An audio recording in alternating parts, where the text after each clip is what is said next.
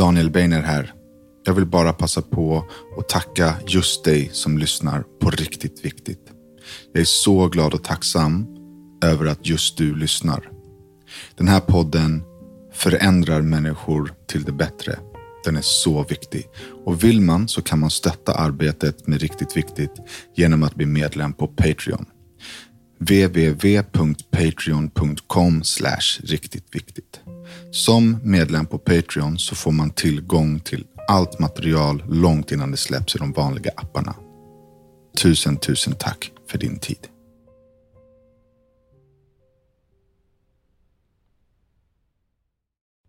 Inför det här avsnittet så vill jag höja en liten varningsflagga då jag intervjuar en person som har tagit livet av två andra människor.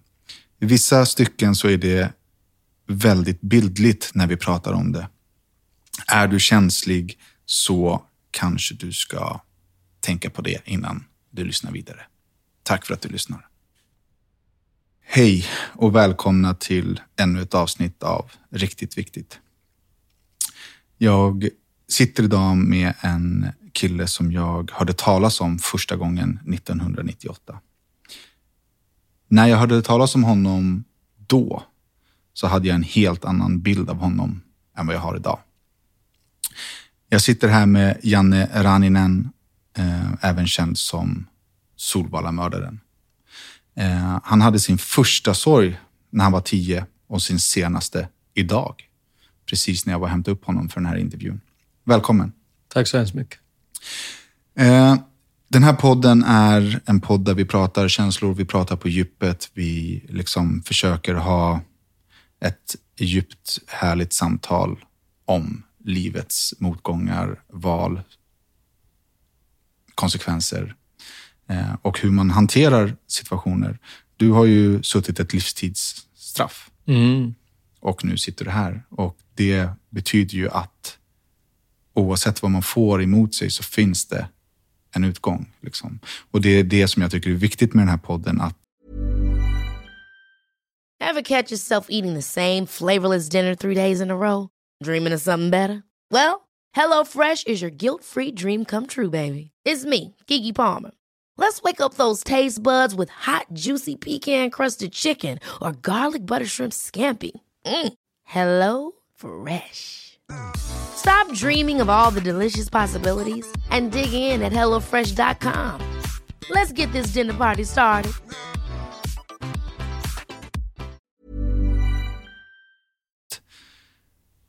man kan, man, man, det, det finns en förändring. Oavsett om, om man förlorar någon man älskar eller om man tar livet av någon eller om man är med om en olycka. Så finns det en, en, en dörr på andra sidan man kan komma ut ur om man vill det. Liksom. Och det på något sätt inger hopp för människor. Och Det är det jag vill med det här, att kunna dela jobbiga saker men också visa på att det finns. Mm. Det finns ett hopp. Liksom. Absolut. Eh, jag, jag känner inte dig, jag känner till dig. Mm. Liksom. Eh, och som sagt, första gången 98 eh, fick man höra talas om då att den här maffia eh, gestalten hade blivit mördad på Solvalla. Mm. Du var ett barn. Ja, 20 bast var jag. Så, Ja. ja, jag var inte speciellt gammal. Nej.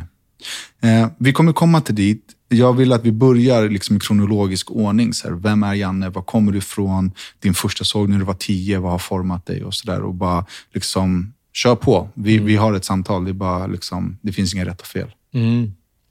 Du sa att din första sorg var när du var tio. Mm. Jag var vid den åldern ungefär. Mm. Jag hade åkt över till Finland med farsan. Vi åkte alltid över med morsan, eller farsan, till Finland till våra... Mm. Du bodde i Sverige, i Ja, Haninge jag bodde- Jordbro, Ja, Jordbro. Ja. med mamma och pappa. Ma- nej, med mamma och eh, storbrorsan. Mamma och farsan skilde sig när jag var i tvåårsåldern. Okej. Så jag bodde hos morsan, ensamstående mamma med mig och storbrorsan. Mm. Så åkte vi över alltid till släktingar i Finland. På somrarna, på jullov, höstlov, alla såna här grejer. Mm. Gillade du att åka till Finland? Absolut. Mm. absolut. Jag har skrivit i min bok också att man kände sig någon sorts utanförskap i och med att man var finne. Och så romantiserade, eller man hade en romantiserad bild om att där hemma i Finland så är allting bra. Och när man kom dit så var det typ som en flykt från vardagen. Men man fattade inte då att det, det stämde inte. Kunde du uppleva liksom utanförskap i form av rasism i Sverige? Mm, verkligen. finne, ja. Ja. Det var inte så att jag kände, eller jag kände inte den samma vardagsrasismen som mina mörkhyade vänner. Nej. Utan för mig var det mer så att i klassen så hade läraren svårt att uttala mitt namn. Tvungen att stava det. Eller om jag ringde någonstans. Och sen när jag skulle hämta mitt pass så var jag tvungen att hämta det på ambassaden när mina svenska klasskamrater gick och hämtade från polisstationen. Och det är inte rasism i sig, men det skapade utanförskap. Det är lite annorlunda. Men rasism kommer jag ihåg, jag hade, fanns i skolan. Mm, minns en klassresa som skolan anordnade och det var till Muskö, Muskö örlogsbas. Den ligger i Haninge, eller låg den. Jag tror inte den ligger fortfarande. Den är aktiv alltså, fortfarande. Men då så låg den i Haninge eftersom det var en militär anläggning så är det bara svenska medborgare som får komma in där. Så de sa att ja, svenska medborgare får åka dit då, men ni andra, vi var sju eller åtta stycken som inte var svenska medborgare. Till er hittar vi på något annat den dagen. Och då, då var det ju Ja, det är klart. klaffar man, vad fan är det här för någonting? Jag är ju född och uppvuxen precis likadant som Johan eller någon annan. Varför, vi har lekt samma lekar och jag har precis gjort allting. Så varför får han åka dit och, varför inte jag åka dit? Så det var det mest konkreta. Men sen var det ju även svårt för att förklara det här för sina mörkhyade kompisar. Ja, jag känner också igen den rasismen. Och de typ, "Äh, vadå, du ser ut som en svensk. Hur fan kan du eh, känna igen någon rasism? Och det var därför jag frågade. För eh, jag är ju uppvuxen med mycket eh, människor från Finland, men också väldigt mycket icke liksom, vita i huden. Eh, och de, de kom inte riktigt överens om att, det var, att de kunde uppleva samma sak. Liksom. Mm. Men det är som du säger, du ter, ter väl sig på olika sätt. Eh, men ett utanförskap är ju ett utanförskap oavsett om du är vit eller mörk. Absolut. Eh, Men ni åkte till Finland Mm. eh, och i Finland så hände någonting som var på något sätt avgörande för dig. Ja, vi kom dit och, och min farfar hade varit borta i två dagar. Mm. Och farmor var ju ledsen.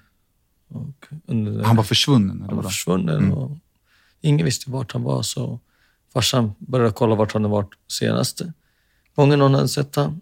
Och så började vi gå ditåt och då hittade vi han. Han hade varit med om en trafikolycka och hamnat i en å eller flod Mm. och drunknat där. Så vi kom dit och jag såg min farfar. Han låg död i vattnet. Och då tog de ju bort mig självklart och sen vuxna ringde ambulans och det här. Men, så det var ju sorg. Jag såg hur min dåligt min farmor mådde och jag såg, det var första gången jag såg en död människa. Wow. Men, så han var med om en trafikolycka och tillkallade man räddningstjänst då och de inte hittade honom? Nej, nej, alltså, han var ensam. Han körde med motorcykel Ja, och åkte ner eh, i en flod eller å. okej. Ja, visst, jag tror en å lite mindre, inte, Ja. inte så stor. Så det var ingen som märkte eftersom det var på landsbygden. okej. Så det var, ingen som märkte Så ni gick ut och letade själva och, Ja, visst. och hittade honom? Mm, mm. Så det, och där kände jag sorg. Då. Vad, vad, kände du rädsla?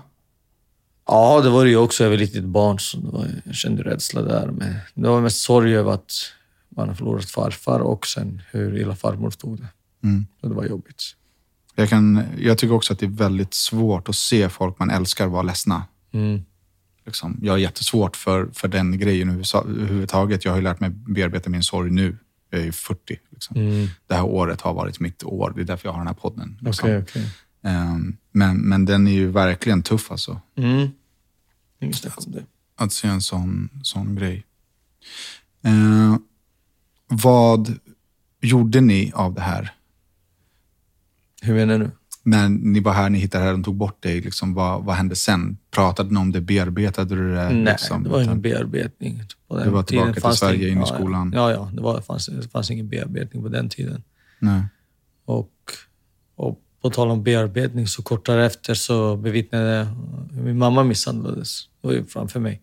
Mm. Hon blev sent sönderslagen och då kom ju polisen ambulans och det här. Och Var det här på samma resa? Nej, det var inte på samma Nej, det var resa, men det var vid samma Ja. tid, tidpunkt ungefär. Jag tror det var samma år eller till och med året efter. Någonting. Mamma hade förhållande med en ny man. Mm. Och han eh, kom och bankade på dörren och sa att morsan skulle öppna. Och morsan var ju nojig, hon öppnade inte. Så ringde polisen och de kom inte. Och hon ringde igen och de kommer inte. Så till slut han slår sönder hela dörren, kommer in, slår sönder min morsa framför mig. Och då kommer snuten. Mm. Och eh, på tal om det här med bearbetning, så efter det där så var, var det en gång man gick hos BUP, tror jag det hette, eller BPU, barn och ungdomspsykiatri. Upp, ja.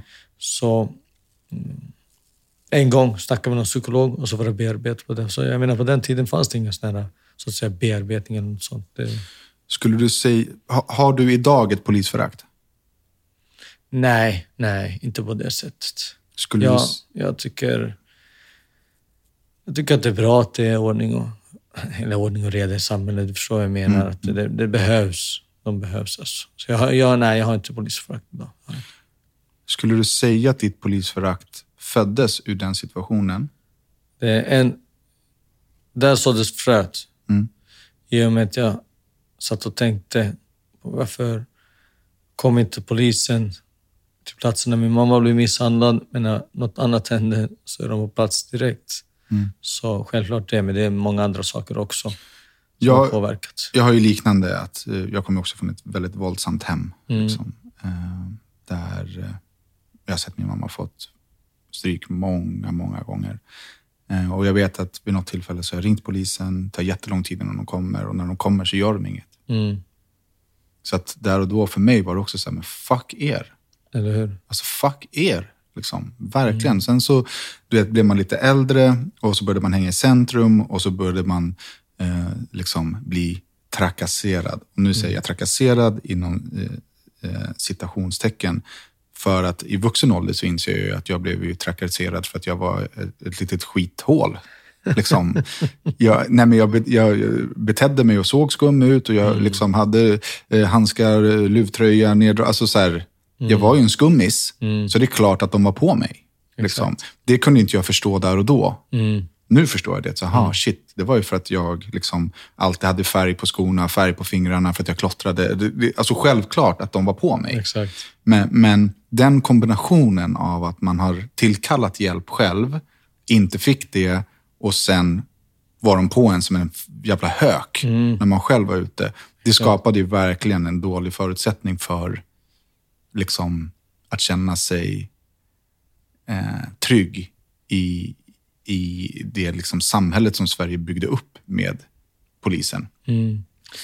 Och jag vill även säga om polisförakt, så, alltså normala poliser som gör sitt jobb och ser sitt jobb bra, det har jag inget emot. Men sen korrumperade jävla skitsnutar. Måste Det finns ju i alla branscher, Ja, ja absolut. Så, sån har jag inget till övers med. Men det har jag inte till övers med någon annan heller som Nej. är äcklig och håller på Och, och, och där, där håller jag med. Alltså, som eh, Kapten Klänning, som polischef som utnyttjar och, och, och våldtar eh, unga tjejer och sådär. Det är ju liksom sjukt. Och det sjukaste av allt är det, det här ska vi inte gå in på för djupt nu, men det är att de får straffrabatt. Det tycker jag är superkonstigt. Eh, jag har absolut inget polisförakt. Många av mina vänner idag är poliser. Jag är en helt annan människa. Men just när man är ung och ens mamma blir utsatt för någonting som skrämmer. Jag var jätterädd. Exakt. Jag var jätterädd för den personen, för den situationen, för eh, kommande situationer och vände mig till det som man lär sig. Att så här, ring polisen. Som barn, ring polisen. Och det hade ingen effekt. liksom. Ehm, ja, nej men, så att jag- jag fattar verkligen den grejen. Och jag tycker att det är viktigt också, det var därför jag frågade först om du har polisförakt idag, att du, man som vuxen människa inte, jag tycker inte man kan ha det. Det spelar ingen Nej. roll vad man har gjort. Alltså, eh, alla poliser är inte dåliga. Absolut inte. Alla poliser är inte rasister. Nej, nej, nej. Liksom. Men det är det de får emot sig idag. Men jag tror också att så här, när man... Vi båda har ju en koppling till kartellen. Jag har en lite mindre koppling än vad du har. Men, men när liksom, vi höll på med den här kartellen-grejen så hade jag problem med polisen. Hela tiden. Mm, mm.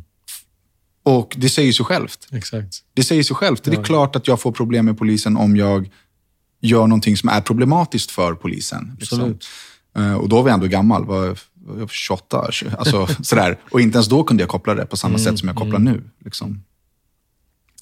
Men eh, efter den där situationen då, när du ringde polisen och din mamma fick stryk, Mm. fortsatte hon träffa den här mannen? Nej, det, de bröt upp där och Ja. det var, det var, det var Så vad du vet var det en engångsgrej för henne? Ja. Mm. Okej. ja, visst. Eh, och hur påverkade det dig att se det? Det påverkar jävligt mycket. Jag, jag bearbetar det än idag. Mm. Jag märker att jag bearbetar det. Jag, har- jag har kunnat greppa det nu under det här förra straffet när jag har gått i terapi Mm. och förstått för så här funkar jag. Alltså. Om du och jag sitter här och du förolämpar mig eller om du säger någonting som jag tycker är förnedrande eller som jag tar åt mig någonting. Då åker jag tillbaka till den situationen vart jag såg min morsa bli sönderslagen. Mm. För jag kunde inte hjälpa henne då. Och det var så stor förolämpning, förnedring. Jag var en liten pojke, kunde inte hjälpa henne på något sätt.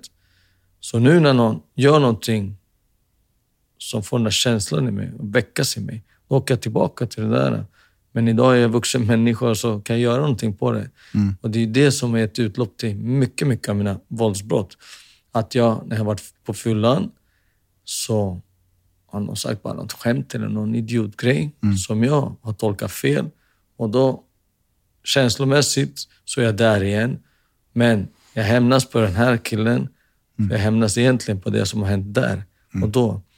Och det här har jag fattat nu under den här volten när jag gått i terapi. Att de här sakerna har ingenting med det att göra. Så när jag hamnar i den situationen nu, då måste jag bara förstå, nej, det är inte samma situation som jag var i då. Förstår du vad jag menar? Så det, alltså, det, har, det har verkligen satt sina spår. Hur känner du inför den nya vetskapen? Det är skönt.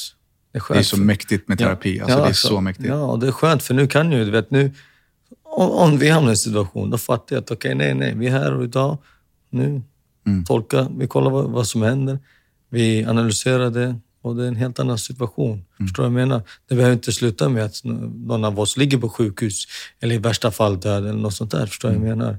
Det, det är det. har... ehm, jag har ju också använt mig, eller skyllt på, att så här, det här hände mig när jag var liten. Jag eh, liksom är sur på grund av det här, eller jag har lättare till, till aggression eh, på grund av det här. Har i alla situationer kopplade till den. Jag kan känna än idag, så här, jag kunde inte rädda min mamma. Mm. Jag kunde inte hjälpa henne. Jag var ung. Alltså första gången jag var sex sju år när en riktigt våldsam situation uppstod med en Ja. vuxen man och henne. Liksom. Sen fortsatte det tills jag var typ 17-18. Det, är, det är många år. Liksom. Eh, och när, ju äldre jag blev, till slut kunde jag börja sätta emot. Liksom. Eh, till, till slut kunde jag sätta emot ordentligt. Ja. Liksom. Eh, och det var inte förrän då som det på något sätt tog en vändning. Liksom. Men jag har ju levt väldigt mycket i en sorg om att så här, jag kunde aldrig rädda min mamma. Mm. Liksom. Och jag kan också gå tillbaka till det. Ja. Sådär. Men, och, och det här var det nu din senaste volta. Din senaste volta var ganska lång. Ja, de var 17 år. Men jag vill komma till det där som du sa, att visst, eh, man tänker på vissa saker som har hänt i barndomen, men jag skyller inte på allt som har hänt på enstaka händelser. Det är mycket, mycket annat som spelar in. Men det där spelar in på ett känslomässigt, ett känslomässigt plan. Mm. Och, men den kan du nu helt frigöra. Ja, ja, ja. Nu för tiden så eh, grejer det. Det, Ja. det, det. Det är lugnt, för jag fattar att det är här och nu. Det måste ju vara en sån befrielse för dig. Verkligen. Och eh, svåraste var ju när man har druckit eller när man har festat eller någonting, du vet. För då är ju tröskeln så mycket lägre. Och sen när det kommer in det där, Mm. så då är det ju så jävla lätt att, eh, att man bara fuckar ur. Så, mm, men än idag, så det påverkar. Men nu, det, alltså det känns skönt att man har fått reda på det där. Men det är mycket annat också man måste jobba med, det är inget snack om det. Men det där är ett, en stor mm, del av problemet. Är, är eh, de här terapitimmarna du fick nu på din senaste volta, är det. Nu satt ju du 17 år, så jag vet inte hur lång tid av den tiden som Mm. du faktiskt gick i terapi. Men är det någonting du fortsätter med? Nej, jag har inte fortsatt med Nej. det. Under tiden jag satt så eh, gick jag i terapi och eh, det var inte så långt, ett och ett halvt, två år kanske där. icke. Men jag har inte gått... Nu har jag går, går jag hos... Det finns ett ställe som jag går och snackar men där snackar vi bara... Där, där går vi inte in djupt. Där Nej. pratar vi bara vardagliga händelser. Så det känns ibland som man skulle behöva fortsätta det, men... eh, Och varför gör du inte det då? No. Min vanligaste ursäkt är att jag inte har tid. Men jag menar... Okej, jag har inte tid, men man ska ta tid. Så är det Ja, bara. det är att verkligen att investera i sig själv. Mm, ja, ja, som, som, eh, och det här säger jag till lyssnarna, inte till dig, men så här, här och nu har vi bevisat att en, en- en händelse i ditt liv som har för, föranlett eh, ganska grova, alltså hela vägen upp till mords liksom, nivå, att du har kunnat ta dig så långt på grund av en händelse, eh, kanske inte enbart på den händelsen, men att kunna få förståelse för vad som händer hos dig för att undvika det i framtiden. Det är ju värt alla timmar i världen. i terapi. Absolut. Det är ingen snack om det. Problemet är nu, och det här är ju bara undanflykter, men det, alltså det är som jag ser eh, nu, att problemet är nu att när jag kommer ut så var jag tvungen att livnära mig själv för det första. När kom du ut? Sju månader, lite drygt, nej, knappt sju månader sedan. Lite drygt ett halvår sedan muckat. Så du vet, jag var tvungen att livnära mig själv, tid med familjen, tid med mig själv, tid allting. Så självklart, terapi, jag borde ha fortsatt. Jag borde ha fortsatt. Jag vet att jag måste jobba resten av mitt liv med det här. Men just nu, jag har bara inte tid mer. Men, eh, vi, vi, vi kommer in på det. Jag måste ställa en fråga som ligger ganska långt fram nu. Men känner du dig... Är du kapabel? Är du fortfarande kapabel till de här brotten? Mm, Absolut, det är inget snack om det. Det, det är jag, verkligen. Eh, jag har alltid sagt att tyvärr så har jag vissa styrkor som är väldigt bra inom den kriminella världen. Jag, I och med alla de här våldsbrotten som jag har gjort, och du vet själv, du har också varit i mycket slagsmål. Så för varje slagsmål, för varje gång man gör någonting så trubbas man av lite mer och mer och mer. Man lär sig att stänga av känslorna. Eller jag vet inte om du men alltså, jag lär mig att stänga av känslorna precis då. Så jag menar, och det har varit min styrka inom den kriminella världen. Jag var tvungen att göra förfärliga saker så lyckas jag stänga av just då. Självklart kommer det sen senare. Så jag är kapabel och det är, som jag skrev i boken också att det är mest rädd för att någonting skulle hända familjen eller att jag måste försvara mig själv på något sätt. För då, då finns det risk för att jag tar till de gamla verktygen och det önskar jag självklart inte ska hända. När, ehm, när förstod du det här om dig själv? När, när förstod du ditt våldskapital? Liksom? Det var rätt ung ålder. Det var där vid 18-19 års ålder. Mm. Ja, det, då hade jag gjort rätt mycket saker. Så jag, jag fattade det då. Har du något skede i ditt liv där det var liksom ett beslut, så här, nu ska jag eh, bli kriminell eller alla ska vara rädda för mig eller liksom... Jag har aldrig, jag har aldrig tänkt att alla ska vara rädda för mig. Du vet, än idag så... Jag säger ett exempel, exempel så här. Jag, flyk, jag knallades jävligt mycket under tiden jag satt, flyttades runt då från eh, kåk till kåk. eh, Varför får man knall, som det heter? No, för mig var skälet ofta att andra fångar eh, blir oroliga och känner sig rädda. Och jag tänker så här, vad fan är det här för någonting? Vet, jag är en social människa och vet, jag är inte stor till växten och det här. Och jag, vad fan, jag bara, det är de här jävla eh, kåk kriminalvårdsstyrelsen som bara försöker fucka till det för mig, du vet. Och jag levde ju det där, men nu när jag kommit ut så har jag träffat många som jag har suttit med.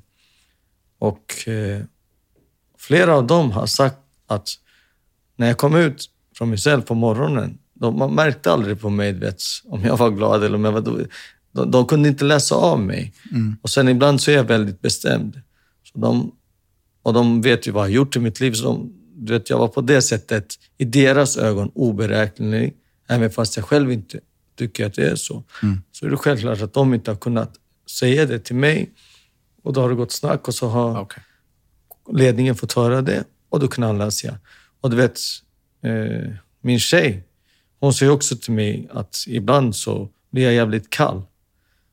Och jag, jag fattar ju det där med, i och med henne, men jag har inte fattat det i och med att jag har suttit. För där i fängelset, s- man ska inte visa sin svaghet, man ska inte göra det där, man ska stå på sig. Förstår du vad jag menar? Om man låter en trampa på då ska alla andra trampa på.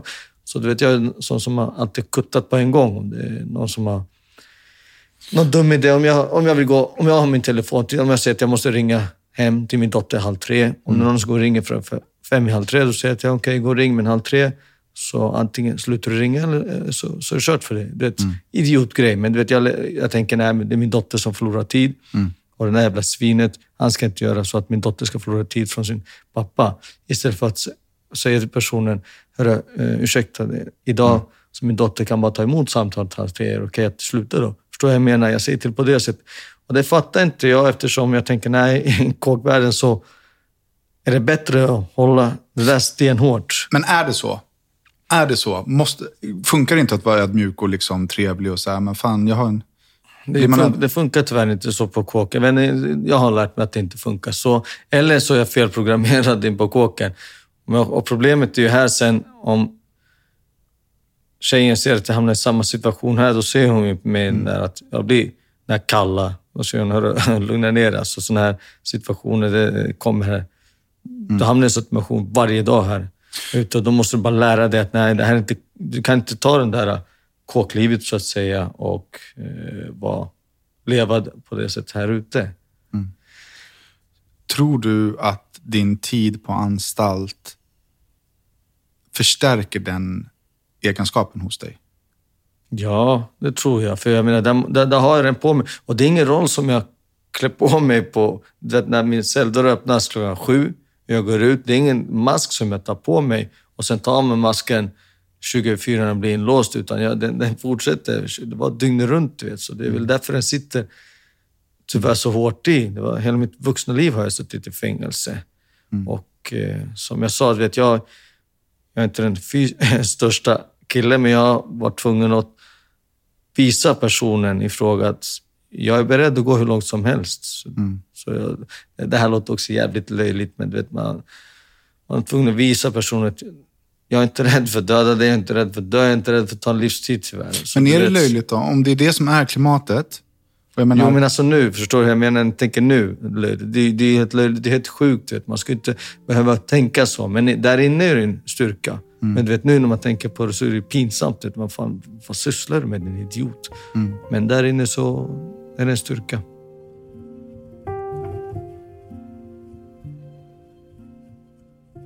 Vi ska ju som sagt gå in lite på um, vad känslan, vad som händer inuti en människa som uh, dig, som har suttit i fängelse hela sitt vuxna liv, liksom mm. missat sin dotter, missat liksom hela livet mm. och sen också bragt två människor om, mm. om livet. Det är, mm.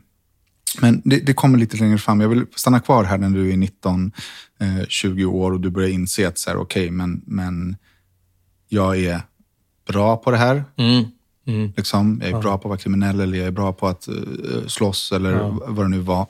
Uh, för jag vet att jag hade en inställning när jag var ung att uh, folk ska respektera mig. Ja. Jag är inte på något sätt i närheten av, av det, den nivån som du har varit på, men jag var, jag slogs gärna. Liksom, mm. Men vid något tillfälle, två tillfällen, så har jag trott att någon har dött i ett slagsmål. Mm. Och då har jag mått så jävla dåligt. Mm. Liksom, jag lärde mig inte alls stänga av det där som du sa, utan mm. jag var tvärtom. Jag, jag, alltså, jag fick psykos. Okay. Liksom. Eh, jag tror att en stor del av den rädslan var rädslan för att torska dock. Mm. Jag blev jätterädd för att säga jag ska åka fast för det här. Liksom. Och jag tror att jag, när jag analyserat det i vuxen ålder, att jag la nog mer vikt på att åka fast än hur personen faktiskt mådde. Mm. Eh, vilket jag kan tycka är problematiskt, att jag la fokuset på mig själv mm. istället för offret. Liksom. Eh, men tappade jag bort min fråga i det jag där. Tror, du frågade mig tidigare om det fanns någon tid när jag bestämde mig. Ja, exakt, ett beslut. Liksom. Ja, exakt. Och det, det svarade jag inte heller på, utan vi mm. kom in på en annan bana där. Men nej, vad hette det? Jag vet inte om det var var väl inget direkt beslut. Det var mycket som påverkade mig i mina yngre år. Jag ska säga dåligt självförtroende, en stor grej. Eh, fattigdom i hemmet, det här utanförskapet, massa annat man ville visa. Man ville få bekräftelsebehov hade man väldigt, mm. hade ett väldigt stort. Så jag menar, allt det där äh, ledde sakta men säkert. Jag märkte att om jag hade lite pengar och köpte lite grejer, då fick man ju bekräftelse på det sättet. Och som jag sa, om man, om man bråkade och lyckades i det där, om man gick på stenhårt, då var det lättare att folk inte gav sig på det. Och sånt här. Så det var, jag tror inte det var något direkt beslut. Men jag kommer ihåg också, eh, jag kom inte in på den gymnasielinjen som jag ville efter nian, som hade dåliga betyg. Mm. Jag slutade i grundskolan, jag gick inte ens klart nian. Så jag kom inte in på den gymnasieutbildningen. Så jag fick plugga upp betygen på komvux och så lyckades jag. Och då kom jag in på hotell och restaurang som jag hade velat. Och så fuckade jag ur och fick... Eh, åkte på en, eh, var det tre månader eller ett års fängelsestraff för någon jävla knivhuggning, jävla idiotgrej. Alltså. Men hur gammal var du då? 18. Ja, du hade fyllt 18 ja, så att du kunde få fyllt, fängelse? Ja, jag hade precis fyllt 18. Så... Och då, under den straffet, så att jag tänkte på att fan, de andra... Då, då trodde jag att de andra har typ gått om mig i gymnasiet och allting. Jag tänkte att fan, det är kört alltså. Mm. De pluggar på där. Nej, jag kollar vad det finns för vad heter det, val inom det kriminella livet. Och på KK lärde jag känna äldre folk och det fanns en schackkram på den tiden så han slängde på mig några Hector Schack där, några Hegger Schack mm. som jag sen becknade när jag kom ut vid 18-19 års åldern. Så där kanske det var det mest medvetna, medvetna valet om att nu ska jag köra. Skulle du idag säga, vad skulle du idag säga om det valet? Vad skulle du säga till, till dig själv om, om du fick gå tillbaka och sätta dig ner med dig själv när du satt där dina tre månader? Mm. Vad skulle du säga? Jag skulle säga gå tillbaka till skolan, säga jag har fuckat till det. Kan jag få en chans till och hoppa på nästa årskurs? Det skulle jag ha sagt. Det, fortsätt med det. Du, det är två, tre år har du missat av det här och då fuckar ur lite grann nu, men hörru, det är ingenting är för sent. Istället för att du som 40-åring ska gå och utbilda dig sen. Och det är ett jätteviktigt budskap till er unga som går i skolan. Gör jobbet nu. Mm. Du kommer ångra dig. Jag har inte heller någon utbildning. Mm. Jag har inga betyg, jag har ingenting. Nu har det gått bra för mig ändå. Mm. Liksom. Eh, men jag är på min dotter. Hon går i andra ring nu. Jag ja. säger så här, gör jobbet nu älskling. Exakt. För att om två år är du färdig. Det är klart. Men gör du inte jobbet nu, då är det fem år. Sen är det sex år. Verkligen. Alltså så här, så jag fattar, det suger, det är tråkigt och det är tidiga månader, whatever. Det är inte intressant. Gör det bara. Mm. Verkligen, gör det bara. Ja, ja. Det är ju som de säger. Man måste göra det någon gång, så jag menar, mm. gör det när det är dags. Men så du kom ut och då eh, livnärde du dig på att sälja droger? Sälja droger, gör lite mindre rån och lite bax här och där och det såna här grejer. Du var ju 20 när du begick ditt liksom, första och typ Sveriges mest uppmärksammade mord. Ja, visst. Eh, innan det här så måste ju, eller måste ska jag inte säga, men ni bör ju ha blivit mer organiserade. Mm. Liksom. Att så här, det här är det vi gör. Vi, mm. vi liksom, vi, det här gänget håller ihop, vi gör den här grejen. Liksom. Ja. Det gick jävligt snabbt. Från där vi är 18 till 20 så gick det jävligt snabbt. Alltså. Mm. Det gick som jag sa på kåken. Träffade en äldre mm, kille, eller en äldre man som vad heter det, på narkotikahandel. Jag började sälja åt honom tills att helt plötsligt står jag ett plats att vi har grävt ner fyra kilo kokain som vi har fått från något annat ställe. Så jag menar, det eskalerade jävligt snabbt från smårån till, mm. okay, jag gjorde aldrig väldigt stora rån, men till eh, några uppmärksammade mm. rån. Så det eskalerade jävligt snabbt. Jag tror inte att inom den lagliga branschen skulle man eskalera så Nej. snabbt. Och det var ju som jag sa, att det handlade inte om våldskapital för mig, utan det handlade mer om det att jag vågade göra saker och eh, jag höll mig käftstängd när jag torskade. Vågade du göra saker för att bevisa och få den här uppmärksamheten? Eller vågade du för att du var obrydd på riktigt? Jag tror det var för att jag var obrydd på riktigt. Jag, jag tror det. Men självklart så var det ju även efteråt så skröt man om det. Det, det är inte så att man gjorde någonting och var smart och höll käften om det, utan man gjorde någonting, man var riktigt idiot och bara skröt om det. Så alla visste att vad man gjorde. Då kom det in mer och mer tips också. Var ju så man märkte att vissa fick ju inte tips på grund av att de grejer inte, de skiter på sig när det är dags mm. och så. Men självklart var man ju också... Vissa grejer var man ju tvungen att bara tvinga sig själv till. Men vi ser rån, inbrott, sånt här. Jag, då, jag var inte nöjd på att torska eller för att snuten skulle komma eller något sånt. Så Nej. det, var, det var ju en styrka i att man lyckades göra dem. Då. Det här eh, mordet då på Joxo, som Mm. är... Man, om man inte har koll så skulle man kunna pausa podden nu och liksom lyssna på din ljudbok som är några timmar. Mm. Eh, du kan väl presentera den liksom, och vart man kan lyssna på den? Jag har några böcker, men den som du syftar på, de kallar mig Solvallamördaren. Det är en Ja. biografi och den finns i alla ljudboks... eh, Jag vet inte, format. Appar. Ja, appar. Alltså, det finns överallt. Storytel, Bookbeat och vad, vad, vilka... vi- Den är här i Sverige, jag vet inte. Men alltså, det finns överallt. Ja. Den är väldigt eh, gripande. Man fastnar, man vill lyssna klart. Liksom. Eh, men det, den är också väldigt liksom, bildlig. Den är jättebra skriven och, och sådär. Eh, men så man kan få lite mer information om, eftersom att vi komprimerar ditt liv nu på en och en halv timme. Eh, men du hamnar i en situation som du egentligen inte är inblandad i. Mm. Det började med, det här är så sjukt, alltså första straffet som jag fick som 18-åring på en månad. Det här som jag sa till dig tidigare. Jag fick alltså en volta först på en månad, sen på tre månader, sen på ett år. Ja. Där vid 18-årsåldern. Det är helt sjukt, idiotgrejer. Så det första straffet jag får på ett år, nej en månad ursäkta, då hamnar jag på Svartsjö. Och min cellkamrat blir då Kova. Sitter i samma cell, Dragan Kovacs då. Som är typ Joxoks, Joxos högra hand. Mm.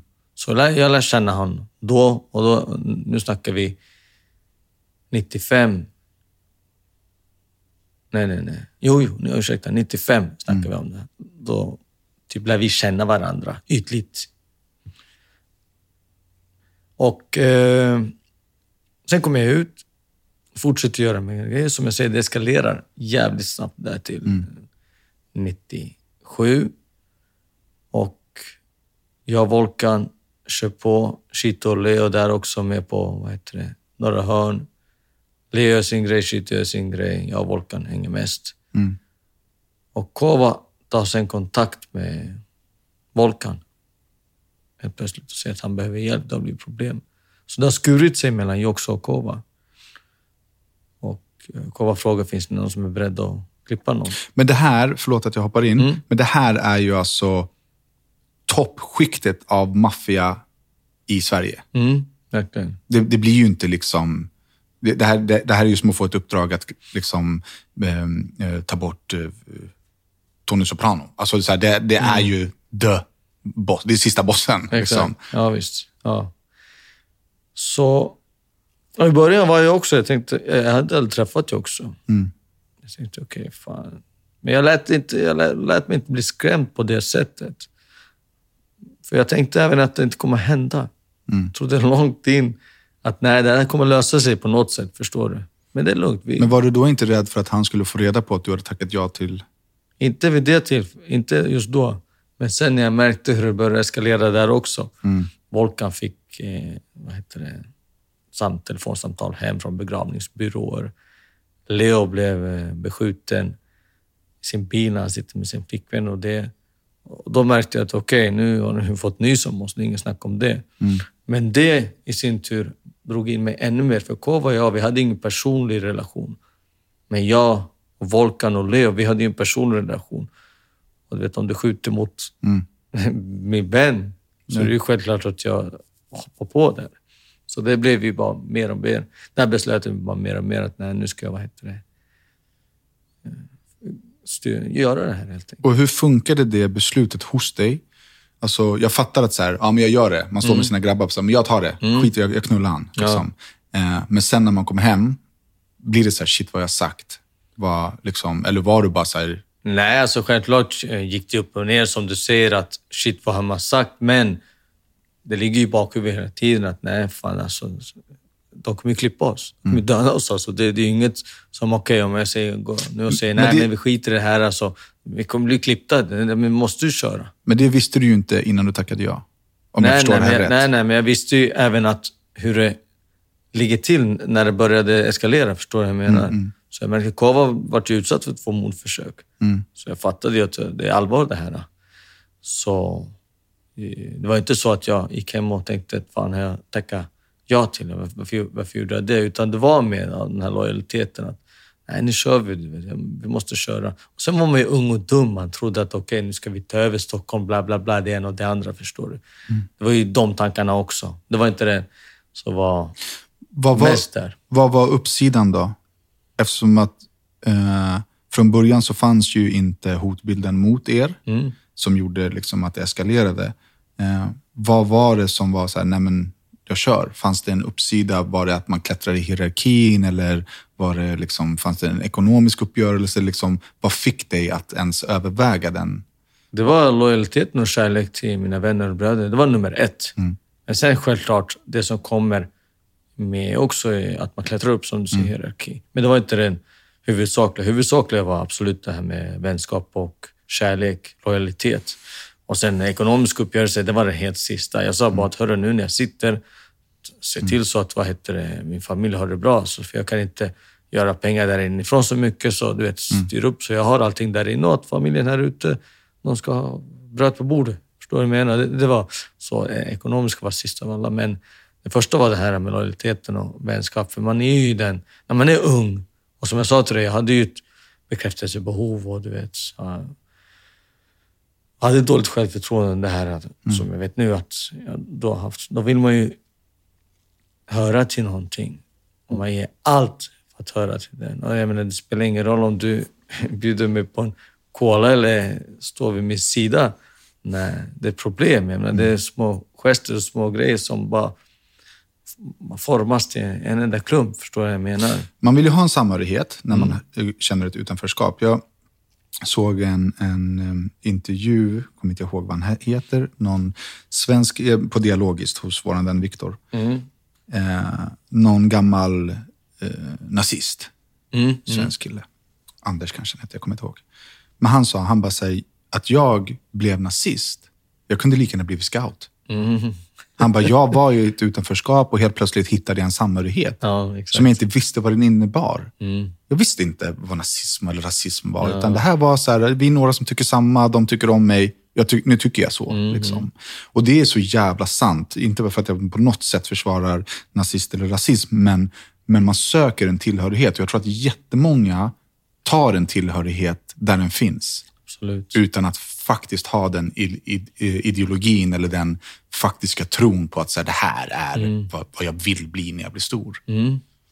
Ja, det, ligger mycket i det där. För jag vet ju, säg tio, åtta år har jag nu eget företag och jag menar, sen har jag gjort olika projekt. Så menar, när man är med i ett projekt, startar från början och tänker okej, nu kör vi det här. Vi ska, vi ska få det mål och alla ska jobba åt samma håll och vi har samma vision och allting. Och du vet, det är precis likadant, du vet. Men sen okej, den gruppen, efter man har gjort projektet, så splittras ju den gruppen. Men här är det annorlunda att man tror att nej, vi ska leva för evigt och vara sådana där bröder och det ena och det andra för evigt. Så det, det där, jag, jag håller med dig om det här med tillhörigheten. Känner du att den lojaliteten du har gett, Mm.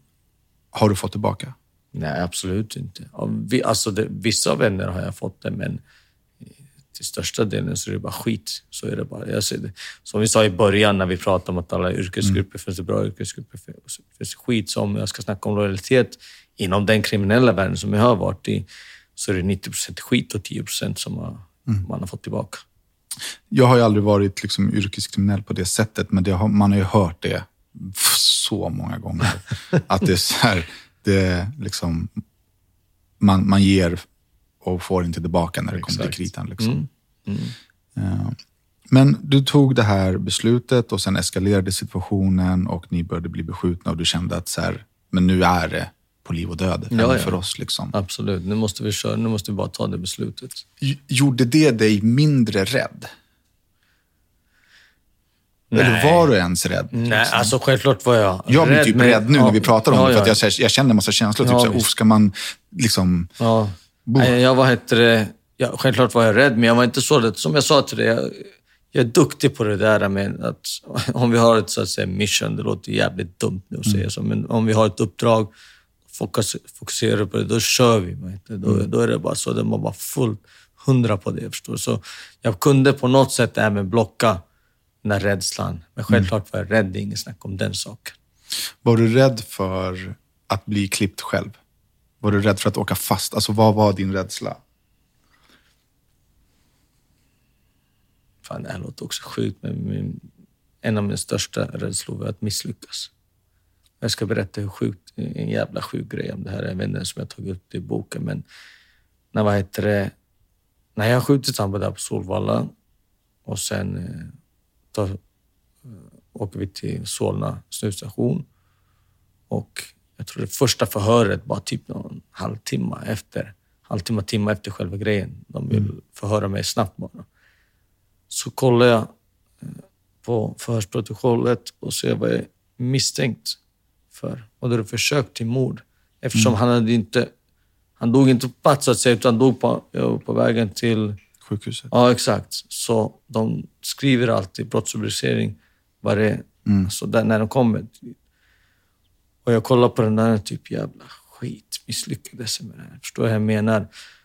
Och misslyckandet att för det första att jag misslyckats med att göra någonting som jag skulle göra. Och för det andra att nu blir det jävligt svårt. Vet, nu, nu kommer det bli så mycket hämnd och förstår du, nu sitter jag här, kan inte vara med och hjälpa till. Så jag menar, det där var helt sjukt. Så... Det förstår jag. Jag förstår rädslan i att misslyckas. Mm. För eh, det spelar ingen roll om det är ett mord eller um, en pitch eller um, en uppfostran av ett barn. Alltså, jag är också jätterädd för mm. att misslyckas. Men grundade sig den rädslan någonting i att du var rädd för vad de andra skulle tycka om dig? Om det... Jo, det gjorde det absolut. Jag, som jag sa till dig, när jag var yngre så har jag haft väldigt dåligt självförtroende. Självklart, mm. inget snack om det. Och när du fick bekräftat att han var död, mm. fick du motsatt känsla i kroppen då? Tyvärr så måste jag säga att ja, jag fick det. Mm. Det är sjukt, men ja, jag fick det. Blev du, när, när, du fick bekräftat att du hade mördat Sveriges liksom, största gangsterkung, blev du då inte rädd för att så här, nu är det liksom pengar på mig? Alltså nu, nu måste jag dra eller nu liksom är mitt, svävar mitt liv i fara. Selling a little or a lot? Shopify helps you do your thing however you cha-ching. Shopify is the global commerce platform that helps you sell at every stage of your business. From the launch your online shop stage to the first real life store stage, all the way to the did we just hit a million orders stage.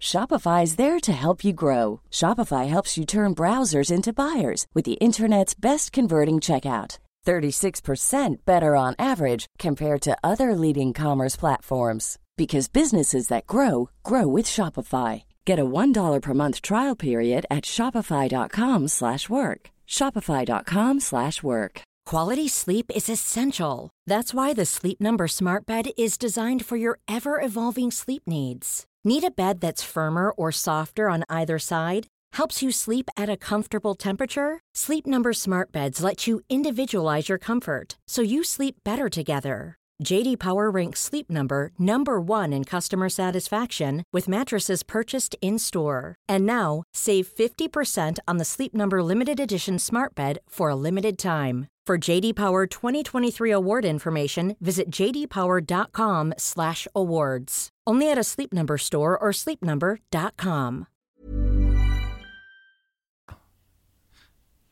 Nej, eftersom vi hade ju bestämt att vi, det, det blir inte en, en engångshändelse, utan mm. vi hade ju vissa grejer som man skulle göra efter det här också, mm. som skulle leda till att... Det skulle vara lugnt? Liksom. Ja, visst. Men, det här som du sa, att det här skulle vara någon form av takeover? Liksom. Ja, exakt, exakt. Så jag satt ju och tänkte på det mer. att Okej, okay, jag har gjort mitt, någon annan kommer göra sin grej, någon tredje kommer mm. göra sin grej, någon fjärde kommer göra sin grej. Och så är det lugnt. Vi, eh, Självaste mordet mm. skedde ju på Solvalla, mm. fullsatt Solvalla. Ja, visst. Var det planerat att du skulle åka fast? Eller tänkte ja, du... just då. Alltså, ja. Men eh, du vet, det här pågick ju i, vad ska vi säga, från två veckor till en månad. Vi säger tre veckor ungefär. Mm. Att vi försökte få tag på dem. Vi säger dem för att det var typ vi och dem. Mm. Vi försökte få tag på dem och de försökte få tag på oss. Och vi bytte lägenheter mellan två, tre dagar och vi åkte i tre, fyra bilar. Och du vet, det var hela tiden det var skottsäkra västar, det var handgranater, det var vapen, det var allting. du vet. Och eh, vi väntade ut, det fanns restaurang, väntade ut, det fanns hem, väntade ut, det fanns en annans kompis restaurang som man visste att han var på. Och lika med dem. De sprang efter oss och kollade vilka lägenheter vi hade varit i. Och vi, du vet, ibland var vi i Jordbro, ibland var vi där, ibland var vi där. Så du vet, det var så. Och till slut började min 21-årsdag närma sig. Mm. Och det här när jag var 18 år och när jag blev dömd till fängelse. Så i domen stod det att eftersom jag är under 21 så får jag straffrabatt. Mm. Så därför bara fick ett år för det. Då jag gjorde en idiotgrej. Och då frågade min advokat att, vad är det här för någonting. Så förklarade han att när man är mellan 18 och 21 så får man straffrabatt. Och när man är under 21 så kan man inte bli dömd till livstid. Det fastnade hos mig. Så vi satt, jag tror var två, tre veckor innan för vad heter det, min 21-årsdag så sa jag där i lägenheten när vi satt allihopa att Hörru, min 21-årsdag börjar närma sig. Alltså, jag pallar inte ta någon livstid för något sånt här. Och då garvade ju Kovan. sa, vadå, du, vadå livstid? Det är ingen som ska torska för det här. Jag bara, det finns en risk för att man torskar för sånt här. Mm. Så det började bara komma närmare och närmare och pressen blev bara mer och mer. Så jag bara, hörru, jag och Volkan var under 21. Jag bara, vi kör så att någon av oss bara klipper han och eh, torskar för det. Och ingen annan torskar för det. Jag menar, okej, okay, någon av oss tar en 10-12 år för det. Och så alla andra är ute och kör vidare. Så började vi tänka på hur fan vi ska göra det. Och till slut, vi hade ju letat överallt. Vi fick inte tag på honom, men vi visste att på Solvalla var han. Okej, okay, och då var det mellan mig och Volkan. Vem ska offra sig, så att säga? Mm.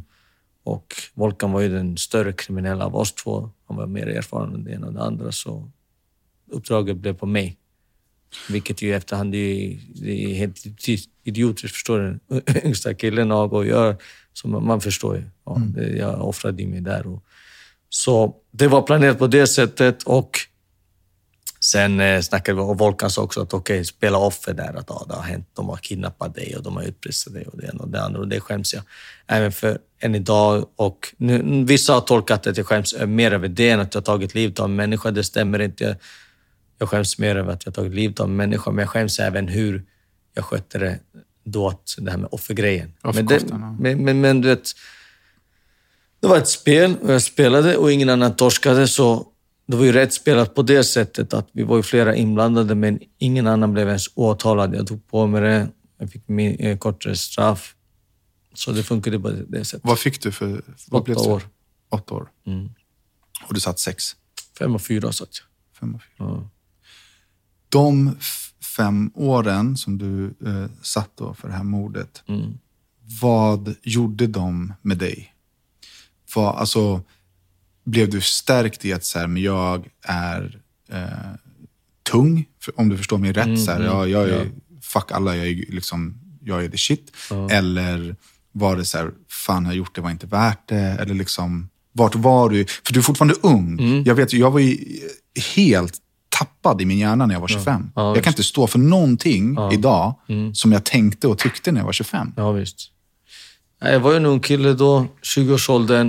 Men jag tänkte aldrig att jag var tung. Jag har inte den där tankesättet att ja, jag är tung. Och Men du förstår vad jag menar? Är må- respekt. jag, vet, jag, vet vad du, jag vet exakt vad du menar. Att I andras ögon så är man i den situationen. Då är man tung och då ska man ha respekt. Och när, självklart kräver jag att folk i min närhet ska bete sig på ett speciellt sätt. Men jag, jag, jag beter mig att man ska, det ska komma inifrån. Att man, Mm. vet, man ska ha man ska kunna bete sig bland folk, men jag, men jag är inte den som aldrig den som krävt respekt och folk ska tycka att jag är tung. Och det, jag, tycker det, jag tycker alltid jag tyckt att det var lite mer pinsamt sådär. Men jag förstår hur du menar att okej, jag har gjort en stor grej, uppmärksamhet, vilken kåk jag än kom till, vart jag än var så var det ju, ah, det är du som är den och den. Så självklart, eftersom jag hade dåligt självförtroende, så var det ju någonting som, du vet, man mådde lite bra av det, men det var inte den jag fattar. så jag tog inte på mig det. Okej, ja, jag, jag är den, jag är kung, jag är den andra. Så inne på kåken när jag satt där, så tankarna... I början gick det självklart, okej, nej nu kör vi, nu, nu kör vi det där som du säger, takeover. Nu kör vi fullt ut och det är lugnt. Jag sitter av det här straffet, kommer ut och du vet, vi har krigat och vi har gjort vårt och vi har varit på det torra. Men sen, du vet, jag märkte ju hur skevt det var det här som du sa med lojaliteten och allting. Så Vissa dagar var jag bara, fuck vad fan har jag gjort? Vad fan, jag är dum i huvudet. Vet du, kom igen alltså. För det första har jag tagit livet av någon, jag har satt min, eh, min familj i fara, jag har satt mig i fara. Jag förlorar flera år av livet, jag har fortfarande ingen utbildning. Det kommer ut som jag blir idiot. Förstår du? Jag menar, så det gick ibland upp och ner. Kände du någon sorg i det? Eller kände du bara ilska? Liksom? Nej, sorg också, absolut. Självklart kände jag att fan, det Som jag sa till dig när jag, var, när jag satt tidigare under eh, de där korta volterna och jag tänkte fan, nu har jag förlorat några år. Mm. De andra har gått om mig. Jag måste eh, göra karriär inom kriminella ut, liksom. livet som de gör. Och så det är självklart, det blev sorg i det här också. Att, fan, jag tog du vet, hundra steg back på det här. Är du jag menar? Bara, shit, vad fan är det här för någonting? Så det är klart, man kände sorg då också. Men det, ibland var det ilska. Men sen var det ibland att, nej men det är lugnt. Du vet, när det händer bra grejer inom mm. den kriminella världen så att säga. Som, som till exempel när Leo de lyckades göra Arlanda-rånet helt plötsligt. Och det är bara shit, vadå fan? Nu är vi på topp igen, är du vad jag menar? Nu, mm. okej, okay, nu har vi... För vi, när vi var unga, 20 år, vi har inga resurser, ingenting och vi krigade helt plötsligt har vi alla resurser och vi är fortfarande, vet, de resurserna inom oss som vi kan kriga men nu har vi även pengar att lägga på vapen och det ena och det andra. Så nu, vadå, vem fan ska stoppa oss nu? Förstår? Jag menar, det gick upp och ner på det sättet. Mm. Du var inte, um, du satt inne när uh, omtalade Arlandarådet mm. skedde. Liksom. Ja, ja. Men även där blev du inblandad? Ja, så, och eh, det var ju Leo och några till som gjorde det och Leo erkänt det. Så Leo gav ju present, mm. pengar både till mig och Volkan för det. För, mm. Som till en vän, du vet, bara ge. Och, eh, så jag blev inblandad på det sättet sen att Volkan fuckade ur sen och det avundsjuk på att Leo hade för mycket pengar. Han lyckades med någon sån här grej så han ville gå på förlåt, skedde Arlanda-rånet medan du satt för Joxo? Ja, 2002 skedde det. Ja, det är så länge sedan. Mm, 2002 skedde det. Det, det är lite sjukt, för det, det hade inte jag kunnat gissa. Det, okay. kän, det känns ju ganska nyligen. Ja. 2002 skedde det och eh, som jag sa till dig, det gick upp och ner i mina mm. tankar om hur jag skulle fortsätta leva mitt liv. Du vet, så Vissa dagar tänkte jag att jag ska bara lägga ner det här kriminella helt och hållet. Det är bara skit. Alltså, nu tar jag ett jobb på en jävla hamburgerbar, bara steka hamburgare och bara jobba upp mig där. Förstår du vad jag menar? Mm. Och sen plötsligt gör närmaste vännen kupp på 45 miljoner, eller gör rån man får 45 miljoner. Typ shit. Och så får man pengar från det och man bara, nej men nu är det lugnt. Du vet. Nu kan man kanske investera i någonting, bara softa där. Förstår du vad jag menar? Och vi har även, som du säger, våldskapitalet, så det är ingen som ska komma och mm. pressa oss eller sno pengar från oss eller kriga oss. Förstår vi? De kommer lämna oss i fred och nu har vi varit på det torra så det är lugnt. Och så från ingenstans så, vet, så blir det inbördessidor. Mm. Uh, Volkan ska gå på de andra rånarna och Leo säger nej, nej, nej, du ska inte gå på de andra rånarna för de har inte gjort någonting. Då blir han avundsjuk och då bestämmer han sig för att göra en fuling mot Leo så han snor en stor del av bytet och när han märker att alla vänder sig mot honom eftersom han har gjort så, en sån grej, så vad heter det, ringer han till snuten och försöker, vad heter det, eller sätter sig in i det här vittnesskyddsprogrammet och eh, så går det bara vidare därifrån och till slut så bestämmer vi oss för att nej, vi måste, vi måste klippa han. Det funkar bara inte. Han har gjort så mycket fel nu. Den här liksom, situationen som du beskriver nu, känns inte den ganska typisk? Hur menar du? I, um, när, när en gruppering gör något stort och det blir mm. mycket pengar inblandat. Mm. Är det inte ganska typiskt att det blir strul inbördes? Verkligen. Det, det är helt sjukt alltså. Det som ska vara nyckeln ja. till framgång och frihet och allt det här, det var en ren förbannelse bara. Mm. Som bara ledde till ännu mer tra tragedi. Det är sjukt det där. Jag har liksom aldrig riktigt kunnat liksom förstå. Jag fattar att man blir girig och mycket vill ha mer. Mm. Men om vi har gjort den här grejen tillsammans, mm. vi går ur den tillsammans. Alltså varför ska vi bråka om det Exakt. internt? Det är ju så man ska tänka, förstår du vad jag menar? Men jag vet inte, det är någonting som klickade. Men, men Eller du, klickade fel. Du sa att du och Volkan var de närmsta. Mm. Var, var han Var du hans närmsta? Förstår du vad jag menar då? Var Nej, ni vänner jag. på samma villkor? Nej, nej, nej. Det, nej, verkligen inte. Det, jag, jag, jag, det fattade jag till och med lite då. Men det har ju verkligen fattat sen efter. Men jag fattade det till och med lite då. Så, nej, Jag märkte att vi... Var han äldre? Nej, han var faktiskt eh, yngre, med några månader yngre. Men han, hade ju, han var ju mer erfaren i den kriminella världen i och med att hans pappa var kriminell och du vet, han, han hade ett namn genom det. Du vet, var alltid, ja, det här är Beckers son. Becker hette hans pappa. Ja, det här är Beckers son. Då, du vet. Du, han hade varit, jobbat med skomakarligan här på 70-talet här i Sverige och det ena och andra. Så, du vet, det, han hade mer och eh, han hade gjort mer brott än mig, så det, han var mer erfaren inom den och hade mer namn så att säga än mig. Hur, hur, vilka känslor har du kring då till exempel, så här, men ni kom överens om att du skulle klippa Joxo. Mm. När du inser att, så här, men, tror du att han hade gjort det? Om han hade fått det uppdraget, tror du att han hade fullföljt det? Nej, jag tror inte det. Jag, han var kapabel till mycket, men nej, jag tror inte det faktiskt, tyvärr. Eh, och jag vill minnas, jag kan ha fel, men Mm. eh, ifrån din bok att det inte alls levererades bröd på bordet Verkligen inte.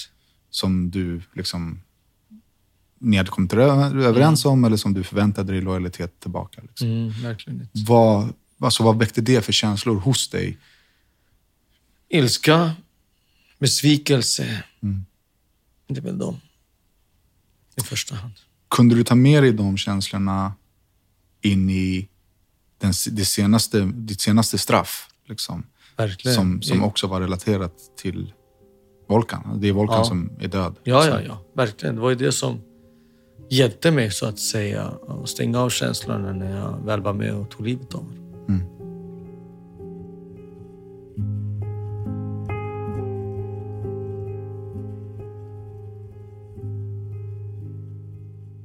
Jag, jag har tänkt på det här sen jag hörde din bok. Eh, och liksom försökt hitta situationer i mitt liv med mina vänner. Och så här, om jag skulle tvingas till att ta livet av någon av mina vänner. Om jag säger, jag, jag måste göra det. Eh, jag tror inte att jag skulle kunna göra det utan en sorg. Mm. Oavsett, alltså, oavsett om, om han har gjort något fittigt eller något olojalt eller svikit mig, så är steget till att faktiskt vara, vara med. Nu, jag var inte där, men jag kan tänka mig att han inte var speciellt eh, kaxig i situationen, utan att han faktiskt var rädd och faktiskt vädjade om hjälp. Och liksom, Att se någon som man har delat ett helt liv med, Mm. eh, där och då, det hade etsat sig fast hos mig. Ja. Alltså verkligen. Eh, nu säger du att du är bra på att stänga av, men är du bra på att stänga av det också? Jo, alltså vid det, då, just då. Men självklart har det kommit i efterhand. Hur mycket som helst, det är inget snack om det. Så det Och då har jag fått bearbeta det lite i taget. Och vi ser att om det kommer nu, vi ser om 15, för 15 år sedan. Om det kommer då, då stänger jag av det till 90 procent och bearbetar till 10 procent. Och sen dröjer det någon månad, kommer igen, så lite, lite, lite, lite så man har kunnat bearbeta det fullt ut. Men det är inte så att jag bara stänger av hela mitt liv. Det, utan jag har varit tvungen att fronta det. Har du frontat det ordentligt i din terapi? Nej, det har jag inte gjort. Det har väl mer gått in på det där med... Barndomen? Och... Ja, exakt. Och vad, vad- vilka mekanismer i mig får mig att göra saker och ting. Tycker du att det är jobbigt nu när vi pratar om de här situationerna? Nej, inte, inte på så sätt. För jag har gått igenom det här mycket med själv. Och i och med boken, det var självterapi i min bok. Och så. Nej, jag tycker inte det är jobbigt. Och jag, jag lever helt annat liv. Jag, jag är ärlig mot mig själv. Och Det är det som är viktigast. Och sen, och i med det kan man vara ärlig mot andra också. Man behöver inte ljuga, man behöver inte tänka på vad man ska säga, vad man ska hitta på. Självterapi tycker jag är jättebra. Den här podden är för mig jättemycket självterapi. Man får sitta och dela, prata om djupa saker och liksom verkligen... Allt du säger, jag tar ju verkligen in och så här, okej, så här var det för dig, så här kände du. Liksom. Ehm, Jag tror att det är väldigt viktigt att ventilera. Mm, absolut. Självterapi är liksom väldigt underskattat. Sen om du skriver ner det på ett brev eller om du spelar in en podd eller om du bara pratar om det när du står och duschar eller med dig själv i spegelbilden eller vad det nu kan vara. Så tror jag att det är jävligt viktigt. Men du kom ut 2003 då. Ja, 2003 muckade jag. Ja. Eh, och då hade Arla landar rånet begåtts. Ett år innan det. Så då landar du inte i att du behöver vara kriminell, utan nu, nu finns det så att du kan softa lite. Ja, så det, Eller, eller nej, hoppade alltså, ni rakt in i liksom... Nej, jag landade i det att vi sitter och planerar hur vi ska klippa Volkan. Det var Okej. under straffet, under, under slutet av straffet. Jag hade inte ens muckat från första, eller från den voltan Okej. som jag fick åtta år för innan vi sitter och planerar ett nytt mord. Så det var inte så att jag... Och var det samma sak där, att du kände men jag tar den? Ja, då, det här var det mera. Och det, för nu var det mer personligt. Nu var det mer, ännu mer, du vet, nej det här är helt fel. Alltså, det här måste vi göra. Det är inget snack om det. Ja, så det var, det var mer personligt nu. För jag också, som jag sa, jag kände ju inte honom alls. Men det här var helt personligt plan. Men var det lättare då, när det var personligt plan, att du hade så här, men han har gjort mig illa, han har gjort mina vänner illa, han har blåst oss, han har golat. Gjorde det att det var lättare att faktiskt ta dig till det, det beslutet, att säga jag kommer göra det här med honom? på sätt och vis. Det var lättare att eh, i efterhand god, eh, godkänna det så att säga för sig själv, förstå och acceptera det. Men i förhand, om du går ut här, oh, nu säger jag inte att du ska göra det, men om du går ut här och klipper en random människa, då behöver du inte, eller som du inte känner, då behöver du inte ta så mycket, tänka på det så mycket i förväg, vad som, hans familj och det ena och det andra. Men om det är någon som du känner, då, då tänker du automatiskt på att det inte bara är den personen, utan den Ja, andra. Men sen i efterhand så eh, säger man sig själv varför det har hänt och det ena och det andra. Så det, på det sättet tror jag att eh, det är skillnad på det. Så vi, visst, vissa saker var ju lättare, men vissa saker mycket, mycket svårare. Men jag försöker komma ihåg vad du har sagt om det här i boken. Men visst var det så att han, eh, han visste om att han hade problem, Mm. men förlitade sig på dig för att ni var de två som hade haft närmast kontakt. Liksom. Ja, visst. Visste han om någon gång hur du kände kring att du liksom inte hade känt hans lojalitet tillbaka och, och så vidare från Joxo-grejen? Fanns, det fanns stunder då Ja. det... Du har talat om för honom ja, vad fan händer. Ja, liksom. absolut. Och det fanns stunder även när han var hos mig då i Finland, Mm. före han blev eh, klippt. Då, det kom upp sånt där. Så, så, det fanns stunder han fattade vad som var på väg att hända, men eh, jag tror han var blockare. Han tänkte, nej, det, det stämmer. Han kanske, hur ska man säga, han tvingade på sig själv att nej, det där stämmer inte. Vi, här, vi kommer Mm. lyckas med det andra som vi sitter och planerar. Pratade han med dig om varför han eh, snodde pengar eller varför han golade? Eller?